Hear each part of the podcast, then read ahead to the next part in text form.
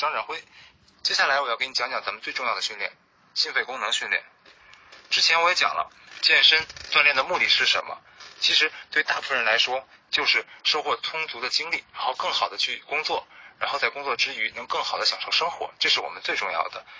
但这一切的基础是你必须要有个好的心血管系统。心血管系统就好比汽车的发动机，这个发动机是最重要的。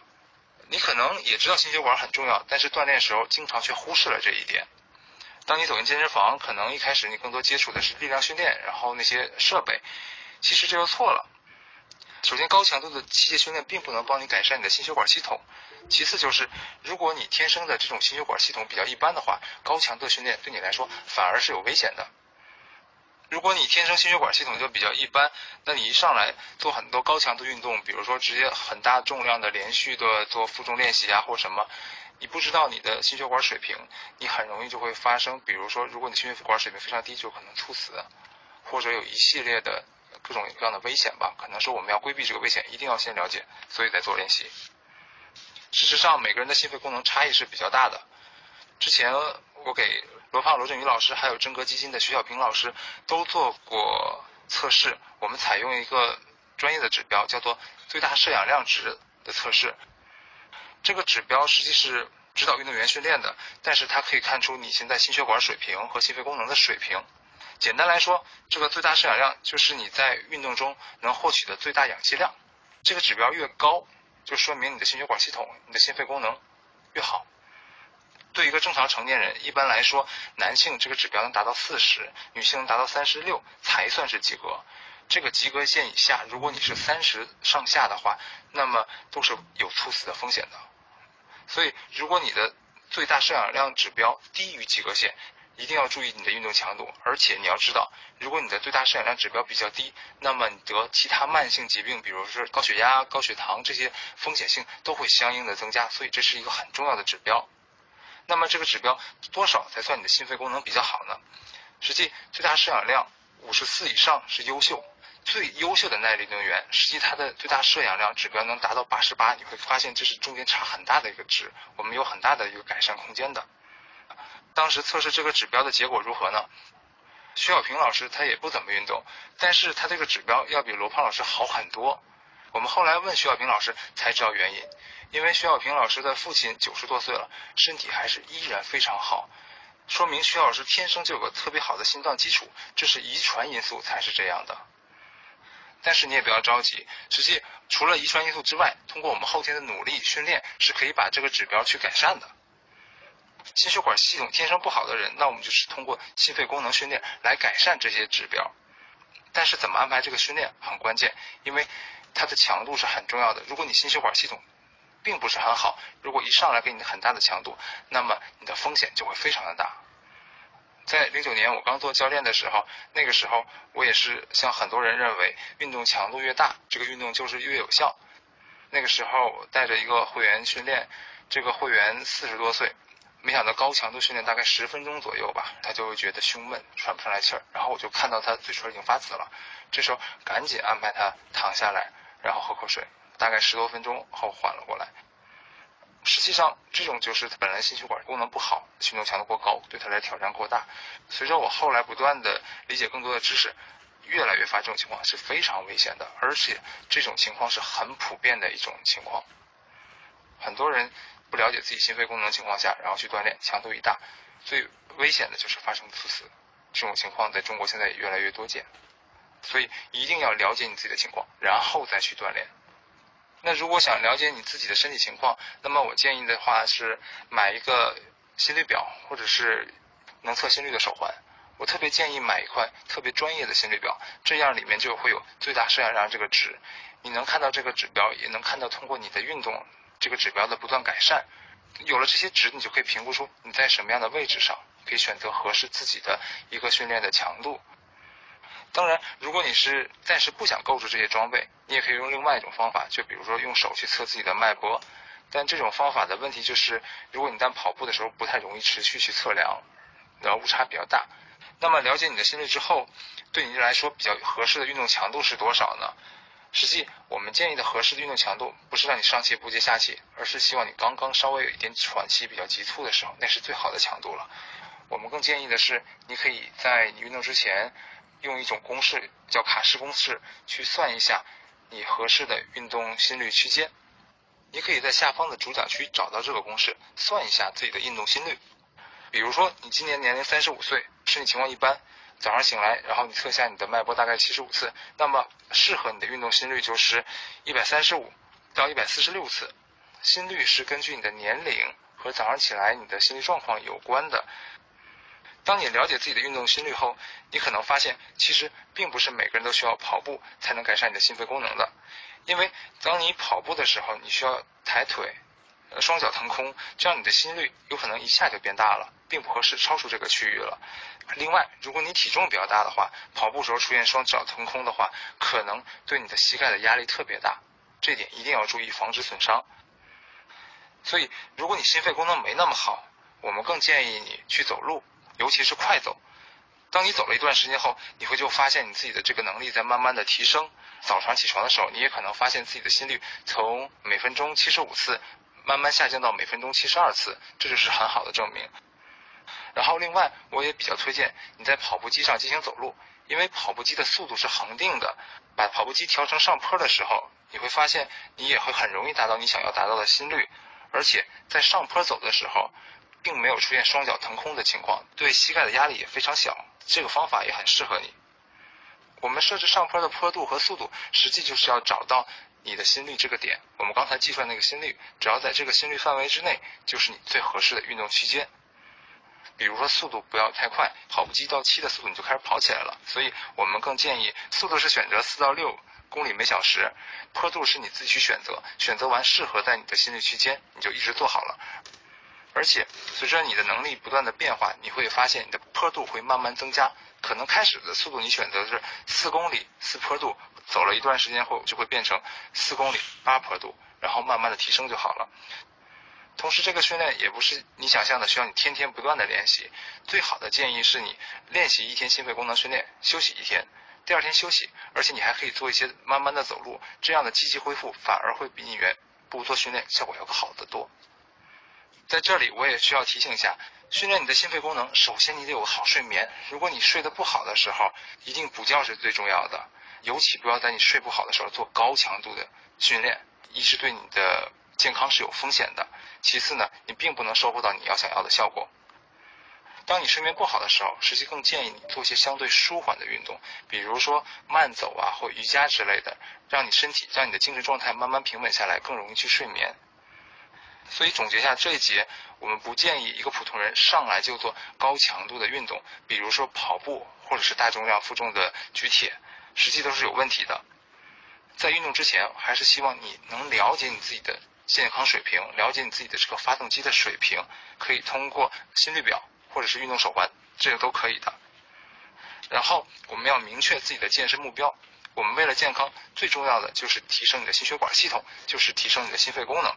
另外，只有你的心血管系统提高了，心肺功能提高了，你才能发现你的工作、睡眠质量都会提高的。那其次，为了收获健康，你首先呢一定要睡个好觉，有了好的睡眠，才可以谈其他的东西。接下来的一节，我要为你破解减肥的迷思，我们会重点讲讲几个常见的减肥方法，以及这些方法分别错在哪儿。通过下一节的讲解，你应该可以弄明白为什么你一直在减肥，却越减越肥了。想要收听更多付费节目，请加微信六九九二五零知识众筹群，期待您的加入。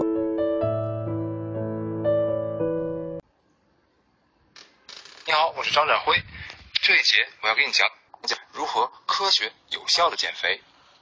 一到夏天，大家又开始减肥了。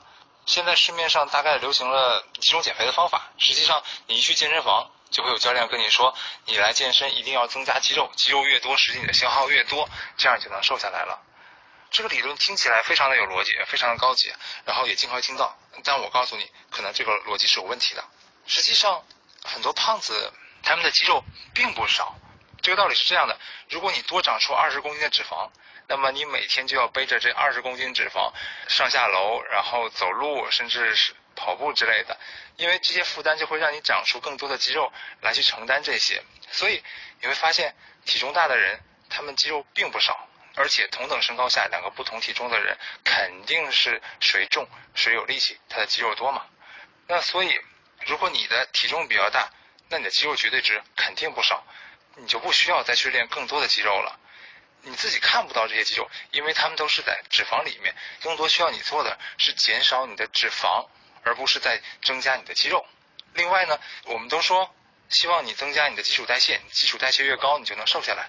实际上，肌肉只占到基础代谢的百分之二十，最大的基础代谢消耗是肝脏，占到百分之三十左右。其次，大脑啊和肌肉只占到百分之二十。首先，基础代谢这个词就是你在不吃饭。什么都不干，安静的躺在那儿，一天你要需要消耗的能量，但这个能量已经很低了，因为如果你天天不可能是不吃饭，安静的躺在那儿，所以如果你按照这个值吃，一般你是应该就直接会瘦的。那我们说，如果是你真的练肌肉了，打算练肌肉增加你的基础代谢，让你瘦下来，那么你会发现，你每增加一公斤的肌肉，实际上只是基础代谢多消耗五十卡的热量。那么五十卡的热量不过是几口可乐的热量，但是你要知道，增加一公斤肌肉至少需要你狂练一个月。那么你看这个效率非常低，这点是并不可取的。那你要问了，增加肌肉这个效率低，那么我做高强度的间歇训练行不行？比如我们说现在很流行的 HIIT 训练，不知道你有没有注意过，像施瓦辛格那样专业的健美运动员，你从来不可能见到他做所谓的 HIIT 训练。因为健美运动员是最需要减脂的，他们在比赛之前需要把身体的脂肪降到最低，而且他们是最专业的减脂人群，但是他们却从来不用 HIIT。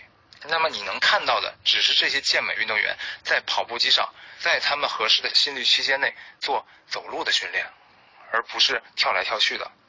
实际上。高强度的运动训练，比如刚才说的高强度间歇和 HIT，它们消耗的都是你身体的糖分，不是脂肪，而且强度到最高的时候根本就不消耗脂肪了。这跟我们大部分人想象的都是不同的。实际你会发现，你运动前称个重，然后运动后称个重，你会发现你体重少不少？少的究竟是什么呢？实际上就是糖和水。而且这块有很关键的点，就是我们身体内为了储存一克糖，需要配合三克水。我们身体储存一克脂肪只需要配合零点三克水，所以你会发现，当你做大强度运动，你消耗了很多糖，你也消耗了很多水，但是没有什么脂肪，但是你体重看起来就会少了很多。不过你稍微吃点主食或者含糖的饮料或者是水，你体重又会回去。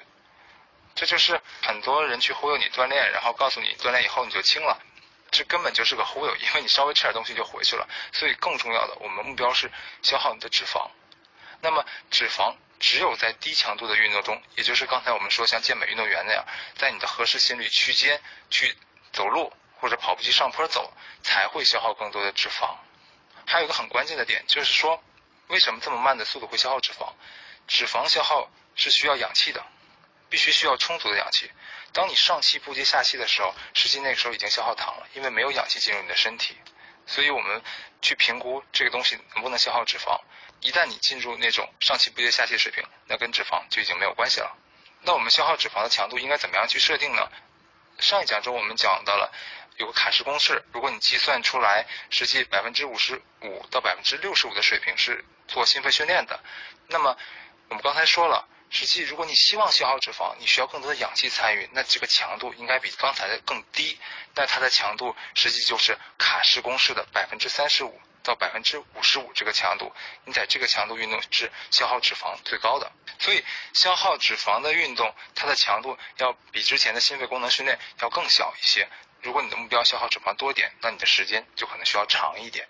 所以你会看到健美运动员开始在比赛之前，他们每天花大量的时间在跑步机上走路的原因就是这个，只有时间长才能得到他想要的结果。另外一种减肥方法，很多女孩使用的就是节食了，这个我们很熟悉。他们有时候不吃晚饭，有的时候不吃主食，有的时候甚至几乎什么都不吃。但是这种方法最大的问题是。你的食欲是无法去抑制的，这是人性中非常重要的一部分。你无法去用意志力来挑战你的人性，那结果往往都是报复性的反弹。而且在你节食的这段时间，你会发现因为你吃的维生素不够，蛋白质不足，你的皮肤会变差，然后你的各种免疫力会下降。之前我也问过很专业的医生，他们告诉我的结果是在节食中你下降的免疫力是不可逆的，以后你补不回来的。我们也会发现很多人节食时间长了，一有感冒肯定就病倒，他们再怎么去。吃更多的东西啊，或锻炼呢，都改变不了这种身体体质，所以一定要注意，千万不要节食，这是对身体很大的损害。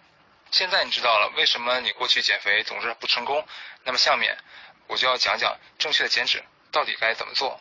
首先，特别推荐大家去买一个体脂秤，或者去健身房做一下体脂的测试。健身房的体脂测试仪会比家用的电极多一些，所以会稍微准确一些。为什么要测体脂？不光是体重呢？因为你的脂肪多少和你的体重并不完全相关。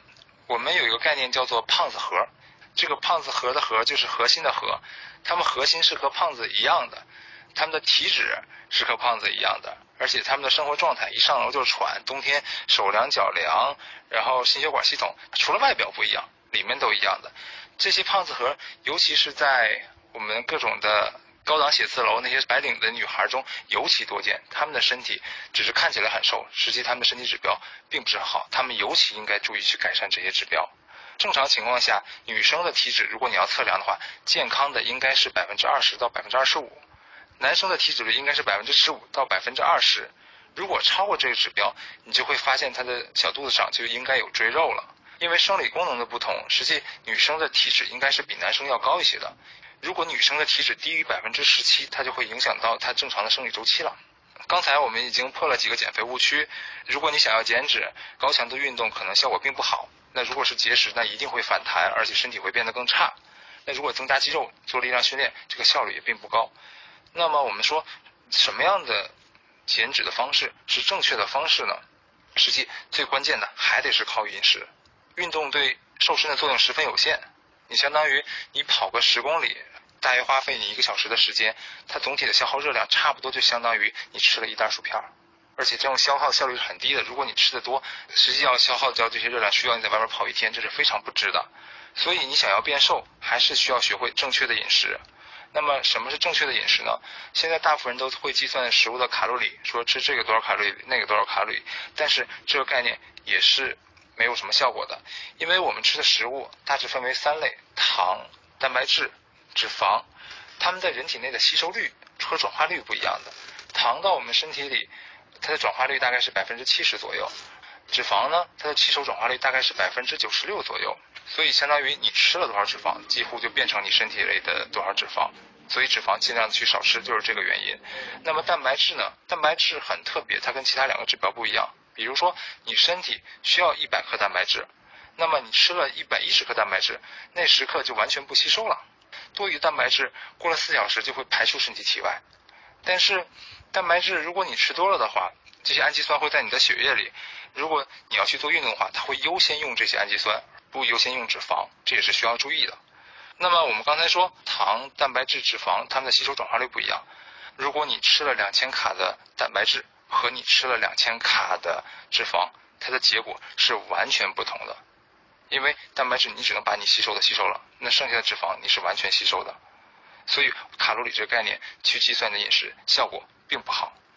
刚才说了，蛋白质是很重要的，而且吃多了它并不吸收。那么，所以如果对想减脂的人来说，最好的办法就是控制好你糖和脂肪的摄入，然后多吃一些蛋白质类食物，这样你会有足够的饱腹感。那多吃蛋白质类食物具体应该吃多少呢？蛋白质的主要来源是肉、蛋、奶类。在你不运动的情况下，你每天的蛋白质需求是每公斤体重对应一克蛋白质。那如果你运动呢，可能需要你每公斤体重就需要一点五克蛋白质。那比如说你是体重六十公斤，那你一天就需要六十克蛋白质。我帮你算一下，如果你只吃鸡蛋，那每天就需要吃八个鸡蛋才能满足你这六十克蛋白质。那如果你要只吃肉呢，那就需要大概三百多克肉，也就是。一斤左右的肉才能满足你这些蛋白质需求，而且我们说这个肉尽量是牛羊肉，它一定要是瘦肉。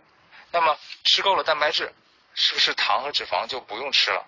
不是的，之前我们讲了，糖是给我们大脑供能的，不能不吃。我们日常饮食中大部分糖类都是来自于我们的主食，如果你体重是六十公斤的话，那么你可能一天就需要一百二十克的糖。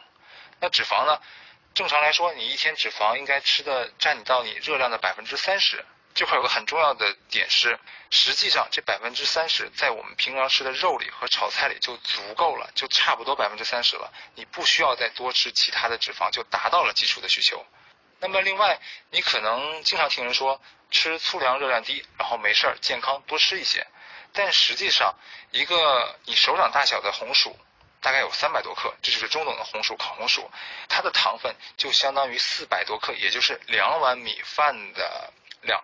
那一个女孩，她本来以为吃个烤红薯没有什么负担，再吃些其他的，但实际上她已经吃了两碗米饭，再吃其他的，她也就吃多了。所以吃粗粮也需要控制量，这点是很重要的。实际上，你每天需要摄入的蛋白质、糖和脂肪，它跟你的体重相关，跟你的年龄和性别实际是都相关的。不同性别、年龄、体重的人，这些吸收转化率都是不一样的。所以，另外一点，市面上卖的减肥餐也不一定是适合你的。比如，如果你体重是一个六十公斤的男性，那你买的减肥餐是为一个七十公斤的男性设计的，那么可能你就越吃越重，最后变成七十公斤。那如果你的体重是九十公斤，但你吃七十公斤的减肥餐，你会发现另外一个问题，你就是越来越饿，然后你根本受不了。之前我就是。中午点了一个减肥餐，因为我的身高体重都比较大，我是九十公斤。在那个减肥餐，我吃完了两个小时以后就饿得不行了，然后就又点了一份烤串，我实在 受不了了。减肥餐并不是适合所有人，一定要找到适合你的才是有效的。而且每个人每天的能量消耗是不一样的。如果你吃的低于你的能量消耗，那么你的体重就会相应降低；如果你吃的高于你的能量消耗，那么你的体重就会上升。那举个例子，如果你是个六十公斤的男性。你每天在不运动的情况下，你一天会消耗掉的糖分就是你的体重六十乘以二，一百二十克糖。那你每天消耗的蛋白质就是你的体重六十乘以一，六十克蛋白质。那么你每天消耗掉的脂肪就是你的体重六十乘以一点八，一百零八克脂肪。以上呢是一个正常人的能量消耗。那如果你需要减脂的话，那就更建议你再增加些蛋白质的摄入量，这样你的饱腹感会更强一些。然后再减低一点脂肪的摄入量，所以主讲区有一个适合减脂的公式，你可以参考一下，你就知道你每天需要吃多少糖、蛋白质和脂肪了。那如果有了正确的饮食，那我们再配合一下刚才所说的低强度、长时间的运动，这样的话能帮我们减去更多的脂肪。最后我们来总结一下这一节。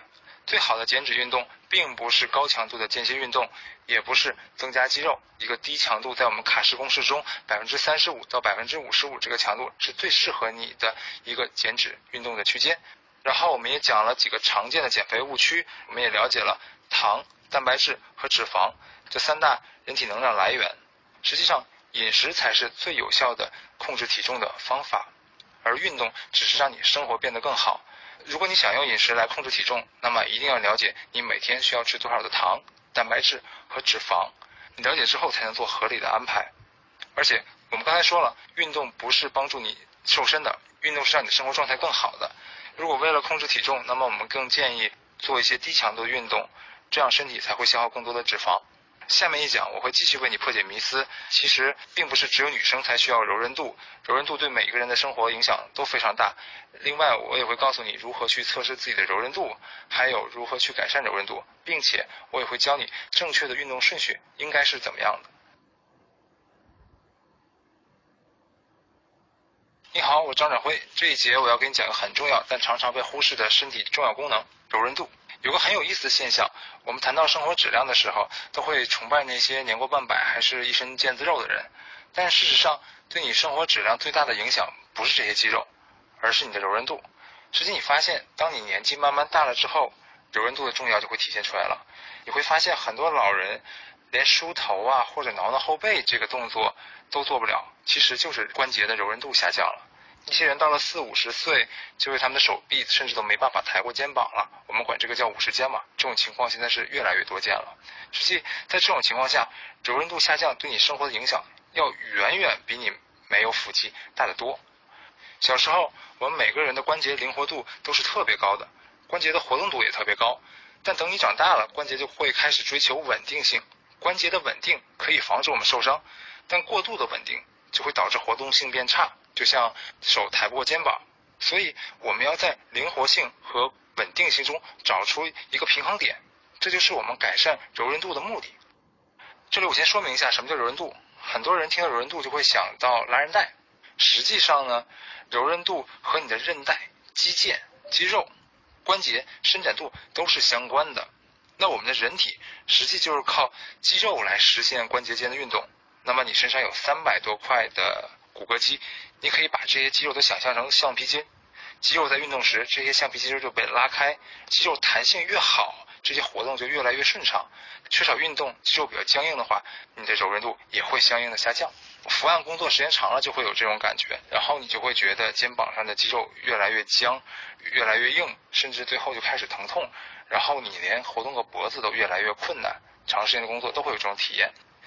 那实际上这些肌肉就是因为长期的紧绷，慢慢的失去弹性，最后变得僵硬。然后你运动的越少，实际这块肌肉的血液循环也越少，然后很难改善，只是越来越坏。这个关节的柔韧度就像经常开的那个门，这种门的折页如果不涂抹润滑油的话，那么长时间它就会出现嘎嘎的响、滋滋的响声。所以关节也是需要保养，而关节最好的保养方法就是适宜的运动。实际你在运动中，你最大限度的活动关节，就是能够激发关节，让它在下一次时候更加灵活。所以，为了保证你的生活质量，特别是中年啊、晚年的生活质量，那你现在就必须去改善你的柔韧度。然后这样不光是对你未来的投资，也是防止你在运动中受伤。那首先我们来测试一下柔韧度，这个测试特别简单，我们大家都应该做过，就是你坐在地上体前屈，把手尽量往下，然后往前够。看看你能够到什么位置上，实际在这个体前屈的位置上，它就包含着我们小腿的柔韧度，我们大腿后侧的柔韧度，然后我们后背的柔韧度，肩关节的柔韧度都会测试到。所以，如果你能够到脚尖或者再往前的一点的位置，说明你的柔韧度还不错。如果你只能够到膝盖的话，那么你一定要把重点放在你的改善柔韧度上。下面我会从两方面来讲怎么提高身体的柔韧度。第一个是常用的两种改善柔韧度的方法。第二个是为了改善柔韧度，我们正确的运动顺序应该是什么样的？咱们先说柔韧度的两种练习。事实上，我们之前了解的一种拉伸的方法呀，我们一说起来就会想象到我在单杠上去压腿啊，长时间这些压腿，这些东西都叫做静态拉伸。静态拉伸的特点是你要保持一个拉伸动作静止不动，大概十五到三十秒。它的优点是比较安全，而且你做完也会明显感到你这个关节的运动幅度要比原来大。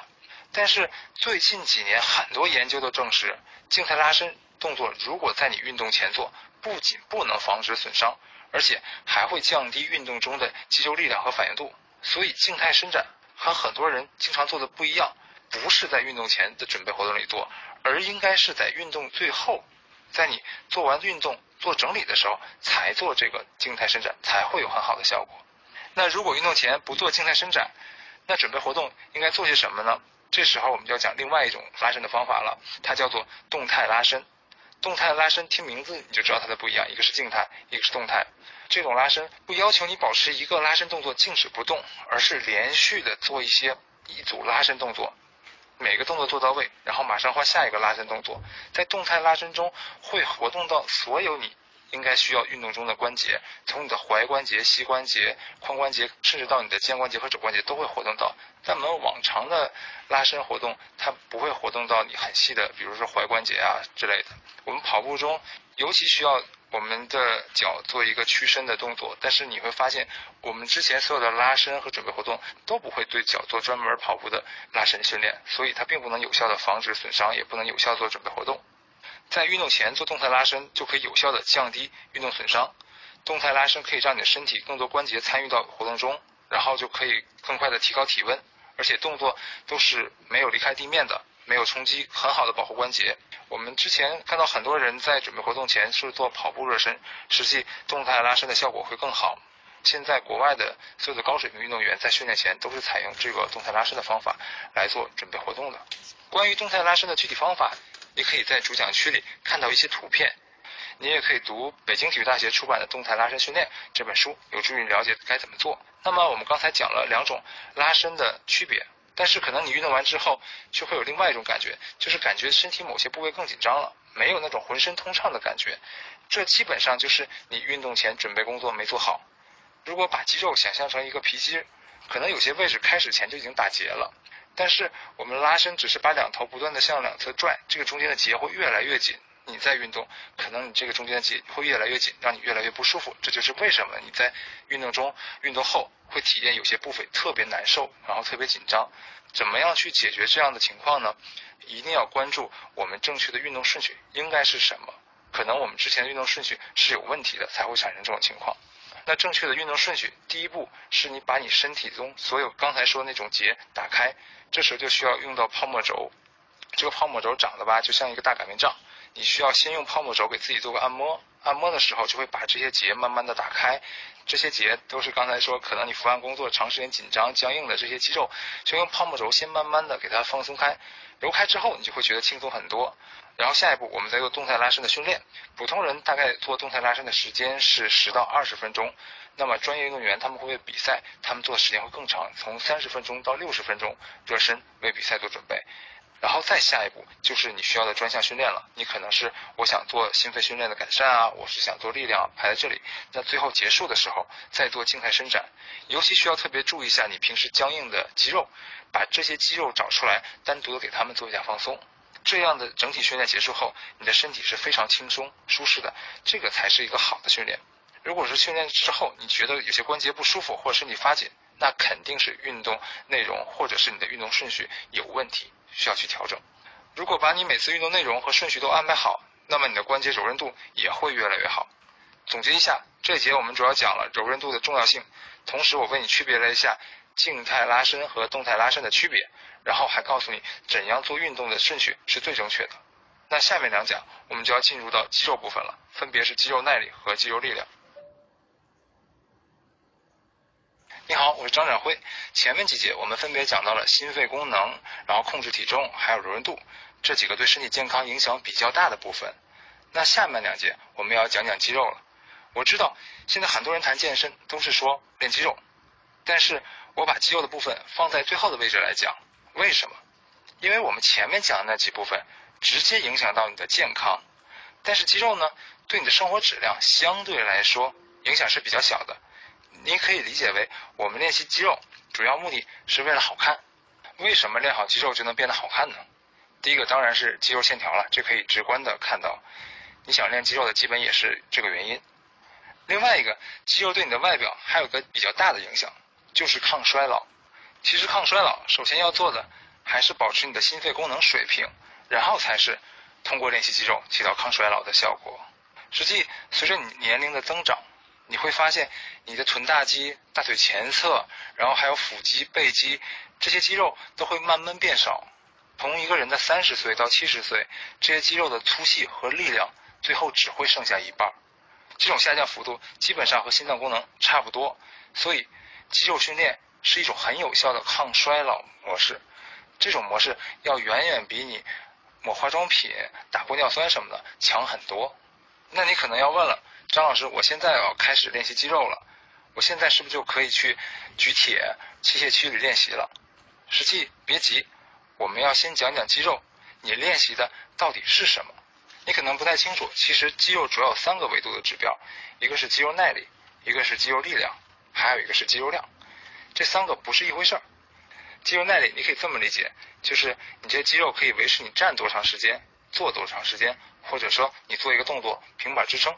这些肌肉能帮你维持多长时间？这叫做肌肉耐力。那么肌肉力量呢？就是你肌肉能够发出最大的力量。比如你做一次深蹲，五十公斤的，你能蹲起一次，而且只能蹲起一次，再也蹲不动了。这就是我们说你肌肉最大重量是蹲起五十公斤。那肌肉总量呢？就是能看见你肌肉到底多少了。肌肉力量和肌肉量是有直接关系的。比如你的臀部肌肉增加了百分之十的总量。那么你的肌肉力量也会提高百分之十。我这么解释，你可能就明白了。你平时举铁练器械，其实练的目的都是肌肉量，也就是你做的动作每组都是八至十二次。但是肌肉耐力和肌肉力量其实对日常生活的帮助会更多。那么应该怎么具体练习呢？这一节我们就专门讲讲肌肉耐力。首先，怎么判断你的肌肉耐力好不好呢？你可以试试做做深蹲，不用负重。你的双脚与肩同宽，下蹲时后背挺直且目视前方，速度不用快，看看你能不能匀速的蹲起三十次。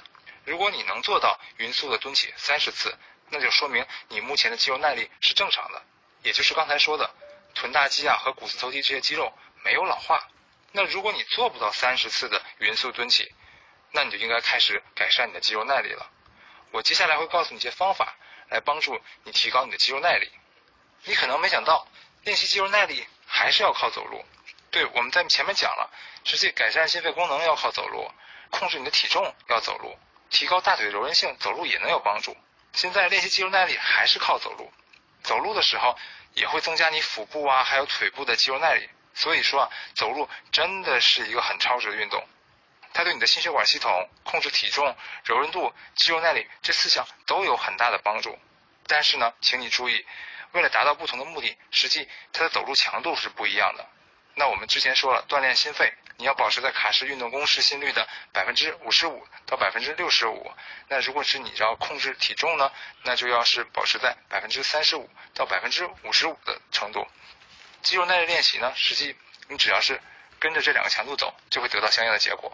然后是动作，如果在跑步机上上坡走路，实际速度跟我们之前说的差不多，四公里啊到六公里之间，注意你的坡度。然后你一定要把你的身体放在跑步机的中央。我们大多数人太习惯走到跑步机的前端了，你会发现这时候你是完全迈不开腿的，然后你手也会打到你的器械台，这样走路你的姿势是非常不好的。所以记住。如果你在跑步机上走路，一定要选择跑步机中间的位置，也就差不多两个把手的位置。然后走路的时候，需要你的髋关节稳定，那么就有一个要求，需要保持你的肚脐位置一直向前方。这样的时候，你的身体就会减少晃动，髋关节就稳定了。我记得吴凡老师在他的专栏里写到，开拖拉机的时候，方向盘会特别抖，根本就控制不好方向盘，不知道往哪儿走。这个时候，农民伯伯告诉他，只要你眼睛盯着前方。这个拖拉机自然就会往前走了。实际在你走路的时候也是一样的，你要把肚脐的位置一直指向前方，这样你的动作就会非常稳定了。然后呢，走路的时候需要加大你的走路幅度，让更多的身体肌肉参加进来。因为是上坡走，身体为了保持平衡会微微的上身前倾，这样的话你会感觉到你的腹部、臀部、大腿后侧都在发力。步子迈得小的时候，你会只感觉到你的小腿特别酸胀。因为那是只有小腿发力，所以如果当你让你的臀部、腹部、大腿后侧都参与进来的时候，我们这些位置的肌肉耐力都会得到明显的改善。如果这个时候你再加上大幅度的摆臂的话，那么你手臂后侧的肌肉也会参与进来。那么还有最后一个要求，就是脚尖儿一定要一直向前。每个人走路可能有时会有习惯的内八字啊或者外八字的习惯，实际如果你只是走几千步，走的少是没有问题的。但是如果你走了几万步或者几十万步，这样就会出现疲劳性损伤，因为你的姿势不对。所以走每一步的时候，你一定要留意你的每一步脚尖都是要向前的。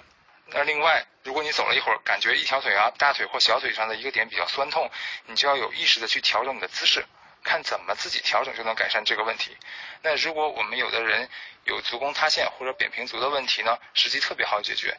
你只要去在某宝上买一个五十块钱到二百块钱之间的鞋垫，放到鞋里，你就瞬间会感觉解决到你走路长时间会疲劳的问题了。刚才说的是在跑步机上走，如果你想在室外走也可以，方法基本上也一致。肚脐的位置一定要向前，然后加大步幅，加大摆臂的幅度。保持你脚尖向前，不过需要你注意的是，随着你的训练，你的心肺和肌肉耐力都在不断的变好，这时候你的速度也要不断的加快，不然你的身体一旦适应了你现在强度，就没有办法再得到改善了。还记得第一节讲到的知识点吗？要学会参照你的心率，合理的安排好你的运动强度。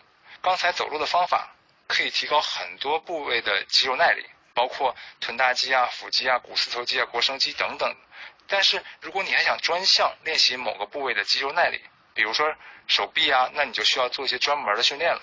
不过这样的训练，我还是推荐你做的时候找一个专业的教练或者懂这些健身知识的朋友在旁边教你，不要一开始就自己找教程在家练习，因为这样很容易发力错误，给你带来损伤。那举个例子吧，做俯卧撑练习，大多数教程都不会告诉你手应该怎么放，只是说你手要放在身体两侧与肩同宽，但如果你就像教程里说那样，把手那么放，实际随着次数的增多，你的腕关节的压力就会感觉越来越大，甚至出现损伤。正确的方法呢，一定要五指分开，像脚抓地那样，牢牢的把手指抓到地面，然后手指手掌完全贴紧地面，掌根的地方不能有任何空隙，这样你的手腕才是最安全的。那如果你对这些专项训练感兴趣的话，我会推荐你看看《囚徒健身》这本书，里面会有好多进阶的训练。当然，前提是你得有教练或者是懂健身知识的朋友告诉你这些基础知识，你再做进阶的训练。那最后，我们来总结一下这一节：练习肌肉耐力和肌肉力量可以有效帮你抗衰老。你需要重点练习的是臀大肌、大腿前侧的股四头肌，还有腹肌和背肌这几块很容易老化的肌肉。那为了改善你的肌肉耐力，我还是推荐你做上坡走路这种练习。上坡走路有几个方法和要点，我也都告诉你了。希望你能照着这个方法练习你的肌肉耐力。好，下一节我会接着讲讲肌肉的另一个部分——肌肉力量。你好，我是张展辉。这一节我要来讲讲肌肉力量的功能。肌肉力量可以帮你应付生活中的什么样的突发情况？其实你平常做的力量训练。举铁这些练的目的都是肌肉力量。虽然我们现代人练习肌肉力量主要是为了好看，但是它在你的日常生活中还是有一些作用的。比如举重物、搬行李就是其中的一个作用。当然，可能你一年也搬不了几次的行李。我说说一个比较常见的能用到肌肉力量的情况吧，就是你坐地铁啊或者公交车碰到地铁加速后的急刹车的情况下，刚好你是站着的，这时就需要用到你的肌肉力量了。如果你的力量不足的情况下，根本就抓不稳扶手，会被甩出去。所以面对这种紧急的情况，你的上肢至少有能拉动你身体百分之六十的力量，才不会让你在急刹车的时候被甩出去。还有，如果你想跑步，你的膝盖和腿至少要能承受到你体重的三倍重量才行，否则你的膝盖就是很容易受伤。如果这些你都达不到，那就得进行力量训练。那怎么知道你的肌肉力量合不合格呢？先说一个简单的测试，你做一个标准的跪姿俯卧撑，就是把你的手放在身体两侧，膝盖着地，然后做俯卧撑。这个动作其实就是推起你自身重量的百分之五十，百分之五十可以看作一个基础的水平。达到这个水平，在你摔跤倒地的时候，你才能轻松的把自己推起来，然后再坐起来。刚才说的急刹车需要拉动百分之六十的体重，这个怎么测呢？你可以在小区里啊或者公园里。找一个比较矮的单杠，和你肚脐的位置差不多高，然后你蹲到单杠下面，你的脚啊身体都在单杠的下面，然后双手去抓杠子，这时候把你双腿伸直，然后脚并拢，看看你能不能把自己从最低的位置拉起来。如果你去健身房的话，可以找一个坐姿下拉的器械，看看能不能把你自身百分之六十的重量拉起来。如果可以的话，那就说明你背部力量是足够的。最后还有一个比较重要的测试。就是做一个负重深蹲，负重的重量要跟你的体重是一样大的，看你能不能在负重的情况下做一个深蹲。如果可以做起来，就说明你下肢力量是足够的。当你跑步的时候，你的力量可以保护你的关节不受伤。如果刚才这几个动作你都能完成，那就在一些紧急的情况下，你能够很好的保护自己不受到额外的伤害。如果你做不到，就需要相应的肌肉练习了。每一块肌肉的训练，我在这里并不展开讲了。但不论你去健身房还是自己在家练习，都要注意，每一组动作的训练都必须做到肌肉力竭，就是再也做不动了。有人比喻说，这就像当你做到最后没有力量的时候，有人拿枪指着你的额头，那时候逼你完成的那几个才叫做力竭。如果你动作做的不彻底，达不到力竭的话，那么就不能把你的所有全部肌纤维调用起来。那么你做力量的效果就差了很多了。这个强度跟我们前面几节讲的心肺功能训练、控制体重、柔韧度都不一样。心肺功能训练只要保持在合适的运动强度就可以了，强度大了反而有危险。所以，如果你的心肺功能还不太好，这一节的肌肉力量训练你也不用着急练，先把你的心肺功能练好，再练习肌肉就好了。刚才我们说的几个情况，都是判断你在应急情况下肌肉力量能不能保护你不受伤。那么解决了基本的问题后，你可能还是想解决一下好看的问题，让你的身材变好看。其实有几块肌肉是最重要的，你可能第一个想到的就是人鱼线、马甲线，也就是你的腹肌。不过说到这个，我要说一个残酷的现实：你要想有人鱼线和马甲线，前提是必须你的体脂是足够低的，不然你有了这些线也都藏在脂肪里，根本看不到。在你体脂足够低的情况下，再做一些肌肉力量练习，才能让这些线条变得更加明显。那么降低体脂的问题，我们在前面也讲到了，核心的方式还是靠控制饮食，科学的饮食才能达到这种效果。那还有一个让大家都比较羡慕的，就是翘臀了。不管是男生还是女生，如果有翘臀都会很好看。首先一个，我们上一节讲的上坡走，如果你按照正确的姿势来走的话，那是可以很好的训练到你的臀大肌的。但是如果你对自己的要求比较高，想要那种引人注目的效果，我有个比较简单的方法推荐给你。在家练习就可以了。这个方法就是练习壶铃，水壶的壶，铃铛的铃。壶铃的动作叫做壶铃摇摆。壶铃的重量，一般正常的体重女生选择十二公斤，男生选择二十公斤。那每周有三天的壶铃摇摆练习，每天最少做七十次。做这个练习，你就能明显的感到你的臀部肌肉在生长了。当然了，也不是所有位置的肌肉是越发达越好，比如小腿的后侧肌肉就不是。如果你小腿后侧肌肉太发达，那肯定不好看。如果你是这样情况，可能是你平时走路或者运动姿势不对，本来应该用臀部或者大腿后侧的肌肉发力，结果你用小腿发力，小腿肌肉当然就会越来越粗了。那么怎么解决这个问题呢？大致的思路是，先让僵硬的身体放松下来。还记得柔韧度那节吗？我们说到用泡沫轴，就是用泡沫轴把全身，特别是你的小腿放松下来，然后再做动态伸展，然后再去运动。最后再做针对小腿的拉伸，记住一定要改掉你以前走路啊、跑步那种发力习惯，不然小腿只能一直粗下去了。对于年轻人来说，好看的肌肉可能是像彭于晏那样身材紧实，但当你年纪大了之后，其实背肌对你来说就是非常重要。那保持好背肌，老了以后才不会驼背。那如果你的腿部肌肉也能保持的不错，那就可以每天想去哪儿就去哪儿，生活质量肯定要比同龄人高。所以，为了今后的生活质量，从现在开始就要管理好你的身材，保持好你的肌肉。最后来总结一下肌肉力量这一节。其实你不用有多大块的肌肉，但是你必须要有足够的肌肉力量。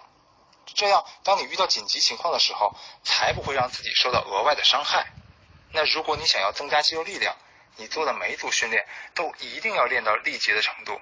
最后，为了好看，你可以重点关注一下你的腹部啊和臀部。不过，想要有腹肌，那前提还得是体脂率足够低。想要练翘臀，我也教了一个简单的动作，希望你都能用得上。到这儿，我们本期的小课题就结束了，主要讲了心肺功能训练、控制体重、柔韧度、肌肉耐力、肌肉力量这五方面。希望你能了解自己的身体处于什么样的水平，并且制定出一个合适你自己的锻炼方案。通过这些，能让你有充足的精力面对工作。和享受生活，谢谢。